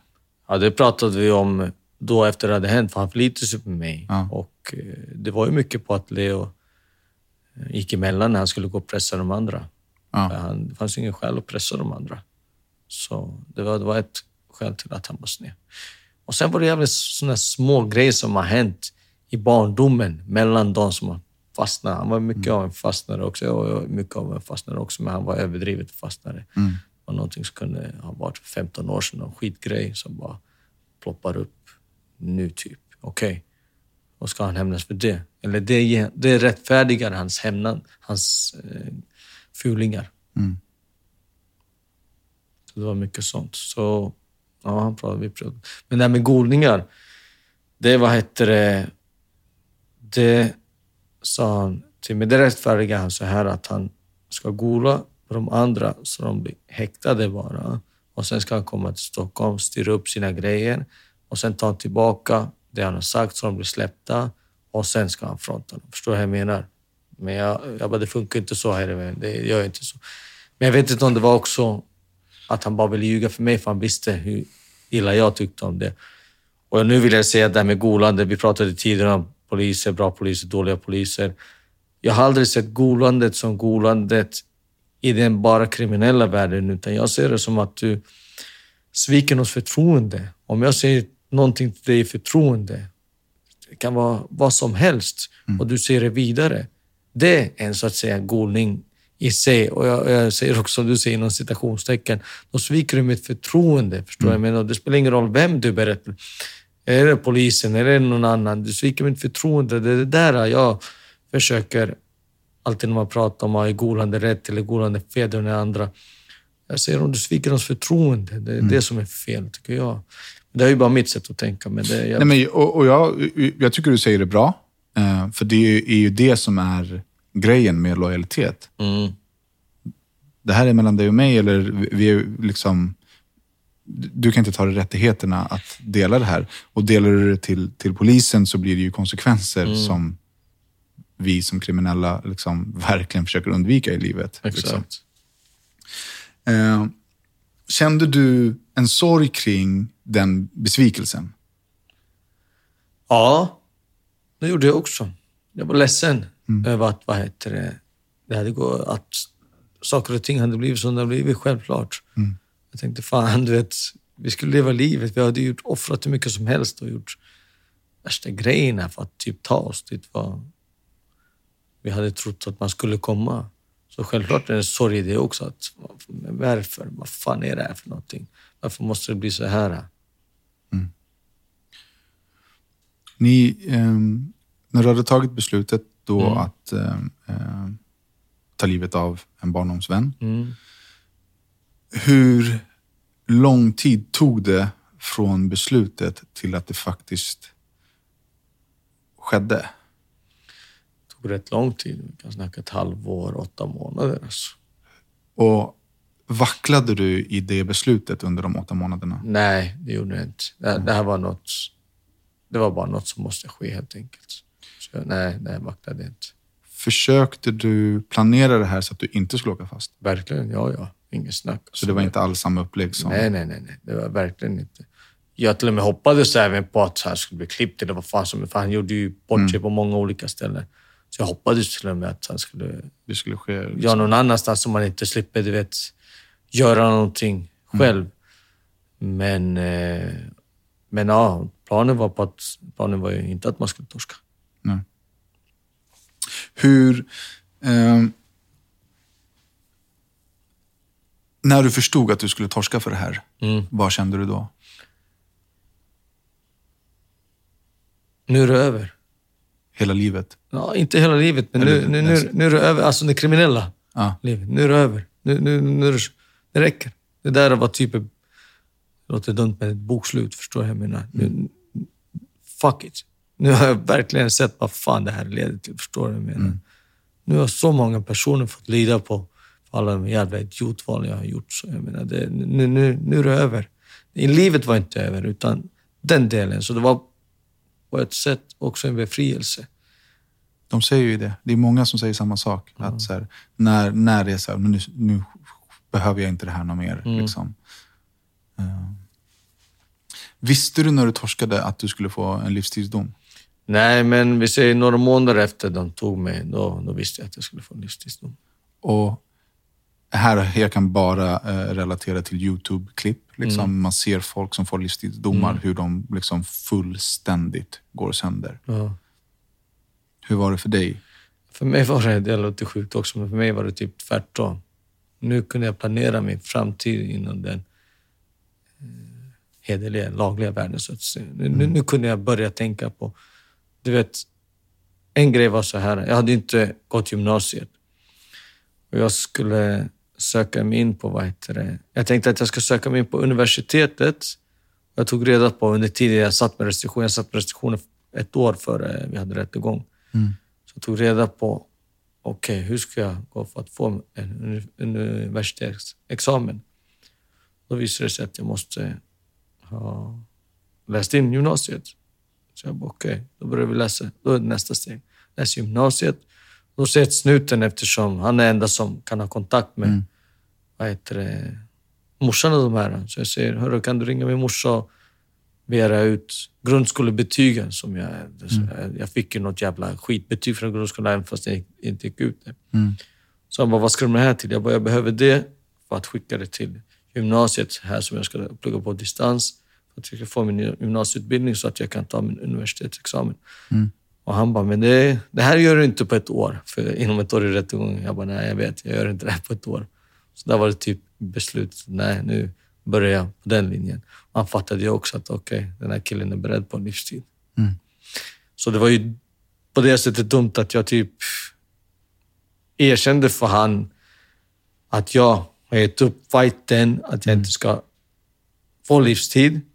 Men jag satt där och tänkte, vad fan ska jag göra? Du vet, nej, det där är över. Nu är det dags att börja koncentrera sig på det normala. Är, är livstid livstid i Finland? Eller det är tidsbestämt? Ja, det, alltså, eh, det är livstid och sen eh, ansöker man om att eh, man ska få bli frigiven. Så, alltså, de kan hålla en livstid. Det, det, kan, men det har aldrig hänt. Högst, längst är väl 22 år, tror jag. Så du visste att så, här, inom 20 år kommer Ja, du ja, vara ja fri? absolut. Jag, jag satt och räknade på ett, med typ 15 bast. Eftersom jag Mm. hade en tidigare klippning så tänkte jag 15 år, det är det. Mm.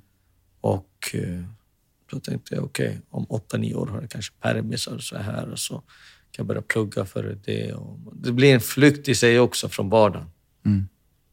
Jag fattar. Jag vill hoppa tillbaka till den här kvällen Mm. då eh, mordet på din barndomsvän skedde. Om jag inte minns helt fel från boken så gick det inte till så som det skulle gå till. Mm, det har du rätt i. Att du hamnade i en situation som du egentligen inte ville vara i. Liksom. Ja. Ehm, är det någonting du orkar prata om? ja, absolut. Vill du liksom leda oss igenom den, den situationen? Mm, det var ju så att jag hämtade Volkan här från Sverige till Finland. Och eh, vi bodde i min lägenhet.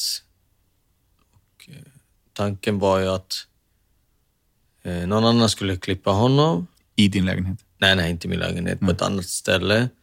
Och han skulle begravas någonstans. Och min roll i det hela var, var att ta över han, vad heter det, till Finland. Locka över han och bara leverera honom till mördarna så att säga.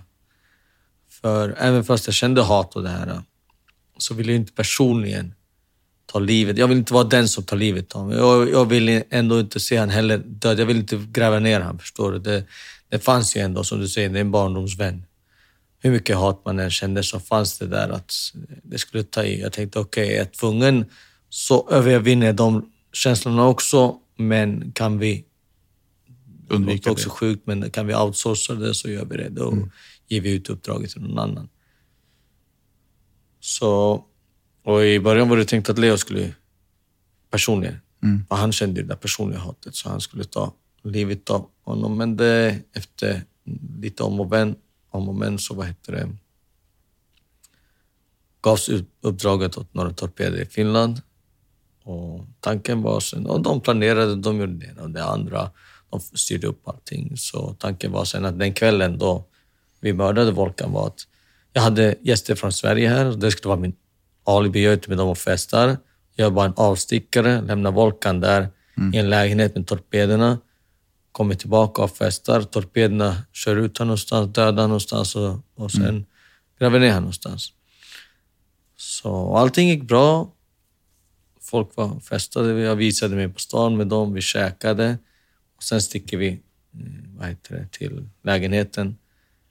Mm. Och där har det blivit kommunikationsproblem mellan...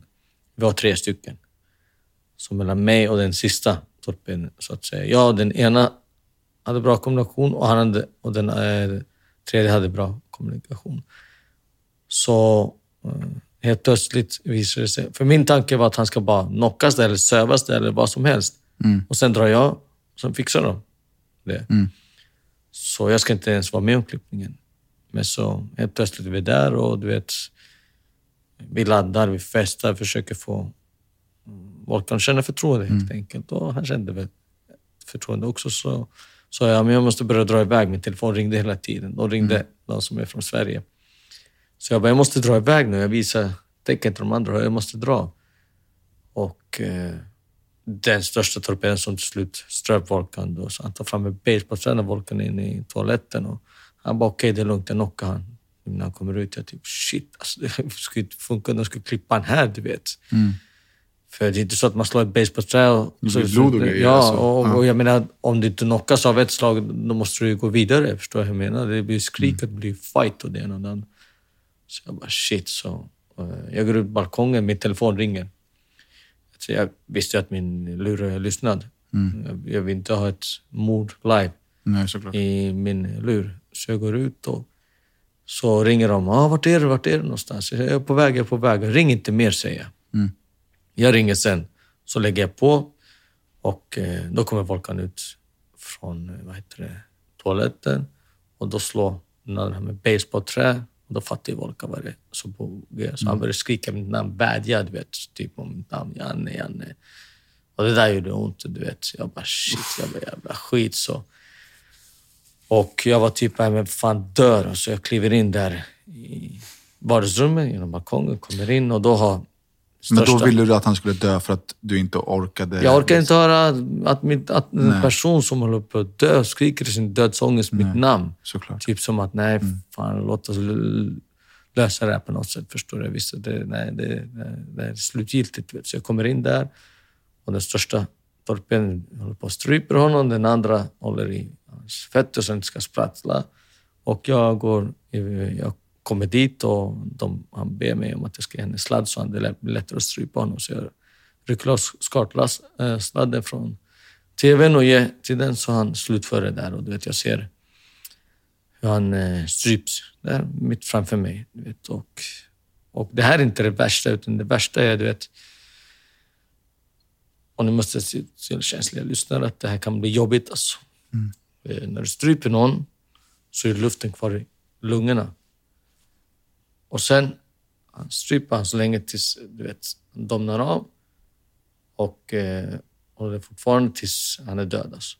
Sen när han släpper på, då kommer den sista luftet ut, förstår du? Så jag blir sådär, bara shit, han är inte död. Är det vad jag menar? Sista kommer ut och det var det äckligaste. Jag bara, fan jävla skit, det där hade jag verkligen inte velat höra. Och som du säger att vissa grejer etsar sig fast, så det där är någonting som kommer, har etsat sig fast och kommer vara hos mig alltid. Har du eh, eh, kommit till tårar av dina händelser i ditt liv? Fan, det har jag inte gjort alltså. Det är så jävla sjukt. Jag har kommit till tårar till andra händelser, men inte av de här. Nej. Och det är det som jag, jag säger, alltså det, det, jag vet inte vad, men det är sjukt att jag inte har gjort det. Men det, det finns vissa grejer, andra grejer som har fått mig till tårar och kan få mig... Än idag, som jag sa till dig när vi pratade om det med sorg, så idag kände jag sorg senast och det fick mig nästan till tårar. Men Det det, är där intressant. får jag inte till tårar. Nej, det är intressant. Vi kan, vi kan ta det eh, idag. Ehm, du och jag har aldrig träffats. Ehm, vi har haft lite gemensamma nämnare, liksom väldigt ytligt sådär genom åren. Men eh, du skrev till mig, så, men kan inte du köpa en, en, en platta eh, Red Bull? Ja. Så jag bara, jo, såklart jag kan. Liksom. Mm. Ehm, eh, och så kom jag till en adress där jag hämtade dig och, och så gav jag över den här till dig. Ehm, och, du kan ju förklara vad, vad, liksom, vad det gick ut på. Mm. Min farsa han är på ett ålderdomshem och han tycker om dricka energidricka då och då. Så det finns ett litet minilivs där på ålderdomshemmet som han bor på. Och de tar 20 spänn för en burk av den där speciella energidrickan som han vill ha. Så alltid när jag är här så käkar jag en platta och lägger i en kyl. Jag säger, gå inte ner och handla där utan ta det här. För de kostar inte så de kostar, Om du går till någon affär så kostar de 5-7 spänn, typ, eller 10 spänn. Jag vet inte. Och jag är så jävla sned på den där lilla livset där att han utnyttjar pensionärerna som inte tjänar pengar utan de lever fattigt ändå. De, lever, de måste snåla på sin pension och han lägger på dubbla eller tredubbla. Så alltid när jag är där, antingen går jag till någon affär i närheten eller om det är någon vän som du eller någon annan som kommer förbi så okej, kan du tjacka en platta? Så lämnar vi hos farsan här. Och där också känner jag, som jag sa till dig, jag känner sorg. Jag har ju varit borta så jävla länge från min familjs liv. Det är 23-24 år. Mina, mina föräldrar har fått hälsa på mig på fängelset och det ena det andra och allting. Och, och nu när jag kommer ut så är de gamla och du vet, man kan inte hjälpa. Vad, vad ska du göra? De är, de är sjuka och du kan inte hjälpa med det. Det enda du kan hjälpa med med såna här grejer, du vet, köp en, ett flak energidricka eller köp en ny lur eller kom och hälsa på. Då. Det är det enda du kan göra, men du kan inte få dem friska så att säga. Och jag, det där känner jag så sorg och så jävla ångest över, så misslyckandet. Vad fan är det med mig? Så kan jag inte ens hjälpa mina föräldrar. Att, då börjar man tänka, vad fan har jag gjort? Du vet, 23-24 år, jag har suttit i fängelset. Vad fan satt jag på kåken när jag skulle varit ute och hjälpt och var, förstår du, gjort det jag kunnat.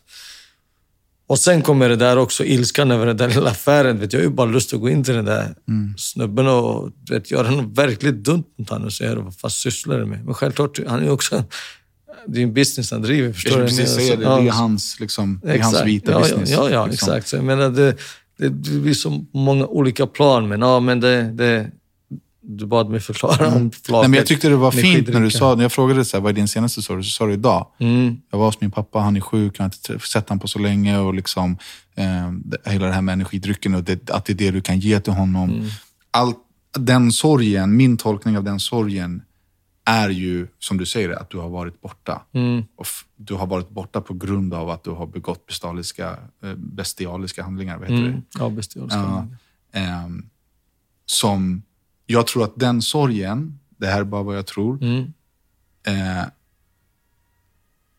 den är oundviklig, men det är kanske lättare att, ta ut den i andra kanaler. Mhm. Men jag tror att det var därför jag frågade om du, om du hade pratat i terapin om det här. Mm. Eh, nu verkar du vara väldigt liksom, genomarbetad i, i det här. Du kan prata om det och liksom eh, eh, är... Jag vet inte om du är okej, men det känns som att du är okej. Så här, Jag har gjort det här, jag står för det och liksom, jag är inte stolt över det. Och så här gick det till. Jag kan höra när du pratar om situationerna ehm, att du fortfarande är bestämd i att så här, men det, jag, alltså, jag gjorde det så jag får stå för det. Liksom. Eh, så känns det verkligen. Eh, och jag tror att den, hur, hur bestämd du än är som människa, hur bra du är på att stänga av, så, som, så liksom, det kan inte vara smärtfritt. Nej, nej, absolut inte. Jag, jag tror mycket i det du säger, att det kommer ut i andra kanaler. Att jag kan bli ledsen sen och eh, låter det få utlopp på något annat som någon annan skulle tänka, vad fan är det här för någonting? Men kanske jag gör det omedvetet mm. eller ljuger till mig själv att jag känner sorg över det här, men nej, nu har jag möjlighet att känna sorgen och låta det komma. Förstår du på det sättet? Så det, det kan finnas mycket i det där du säger. Och sen när du säger att Planning for your next trip? Elevate your travel style with Quince. Quince has all the jet setting essentials you'll want for your next getaway, like European linen, premium luggage options, buttery soft Italian leather bags, and so much more. And is all priced at 50 to 80% less than similar brands. Plus, Quince only works with factories that use safe and ethical manufacturing practices. Pack your bags with high-quality essentials you'll be wearing for vacations to come with Quince. Go to quince.com slash pack for free shipping and 365-day returns. Ever catch yourself eating the same flavorless dinner three days in a row? Dreaming of something better? Well, HelloFresh is your guilt-free dream come true, baby. It's me, Kiki Palmer. Let's wake up those taste buds with hot, juicy pecan-crusted chicken or garlic butter shrimp scampi. Mm. Hello Fresh. Stop dreaming of all the delicious possibilities and dig in at HelloFresh.com. Let's get this dinner party started.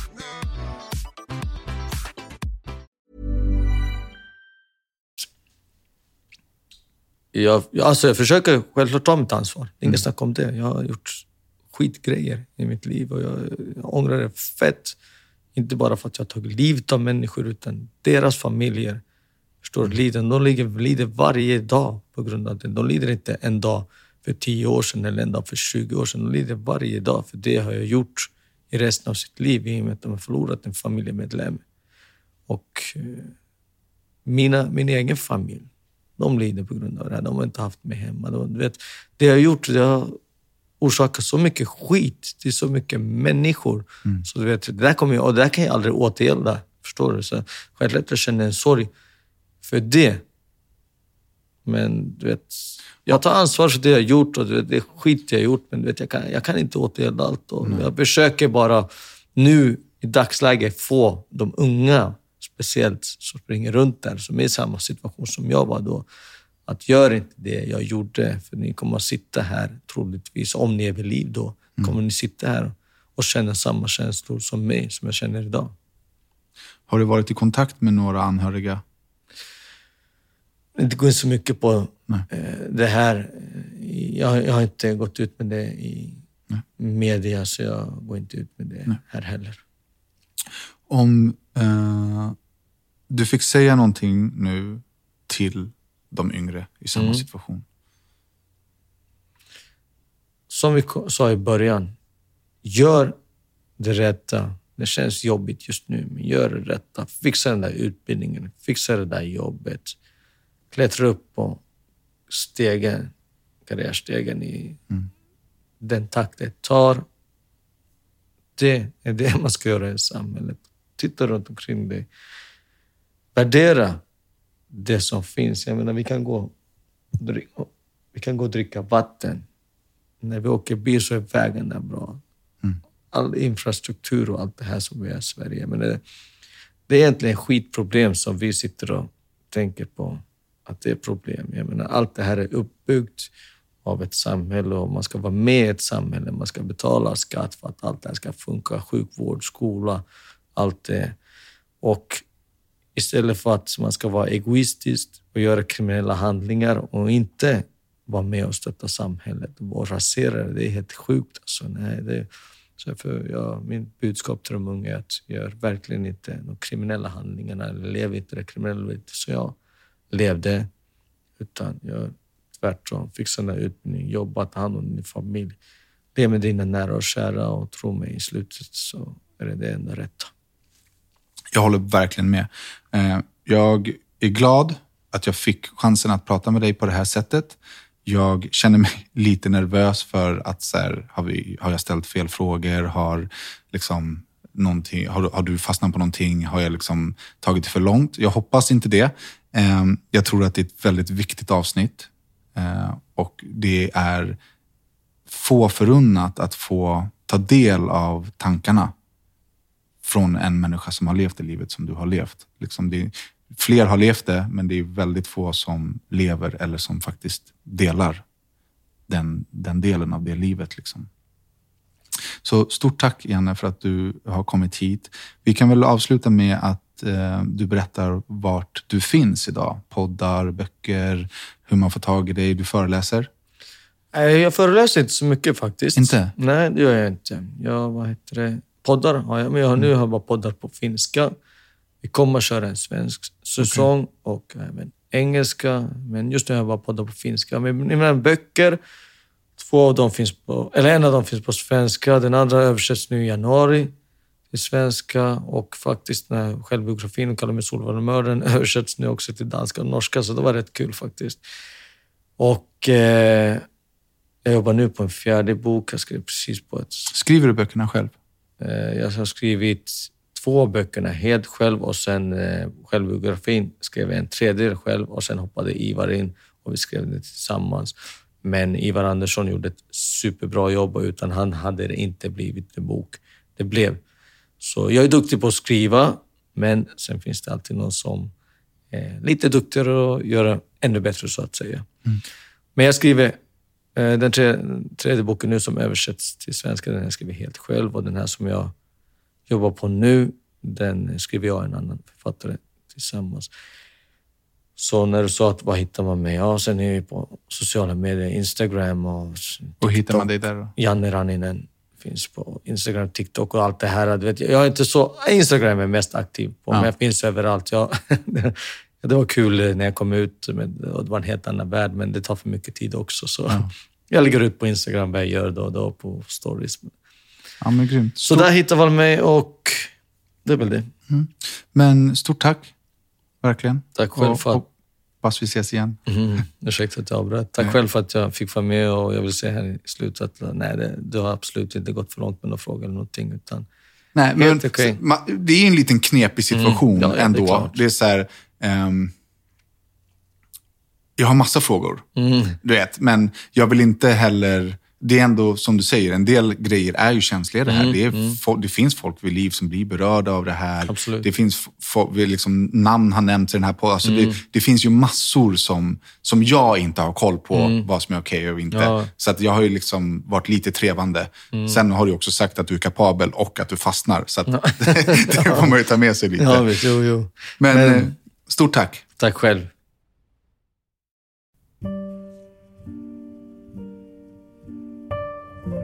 Daniel Beiner här. Jag vill bara passa på att tacka just dig som lyssnar på Riktigt Viktigt. Jag är så glad och tacksam över att just du lyssnar. Den här podden förändrar människor till det bättre. Den är så viktig. Och vill man så kan man stötta arbetet med Riktigt Viktigt genom att bli medlem på Patreon. www.patreon.com riktigt viktigt. Som medlem på Patreon så får man tillgång till allt material långt innan det släpps i de vanliga apparna. Tusen, tusen tack för din tid.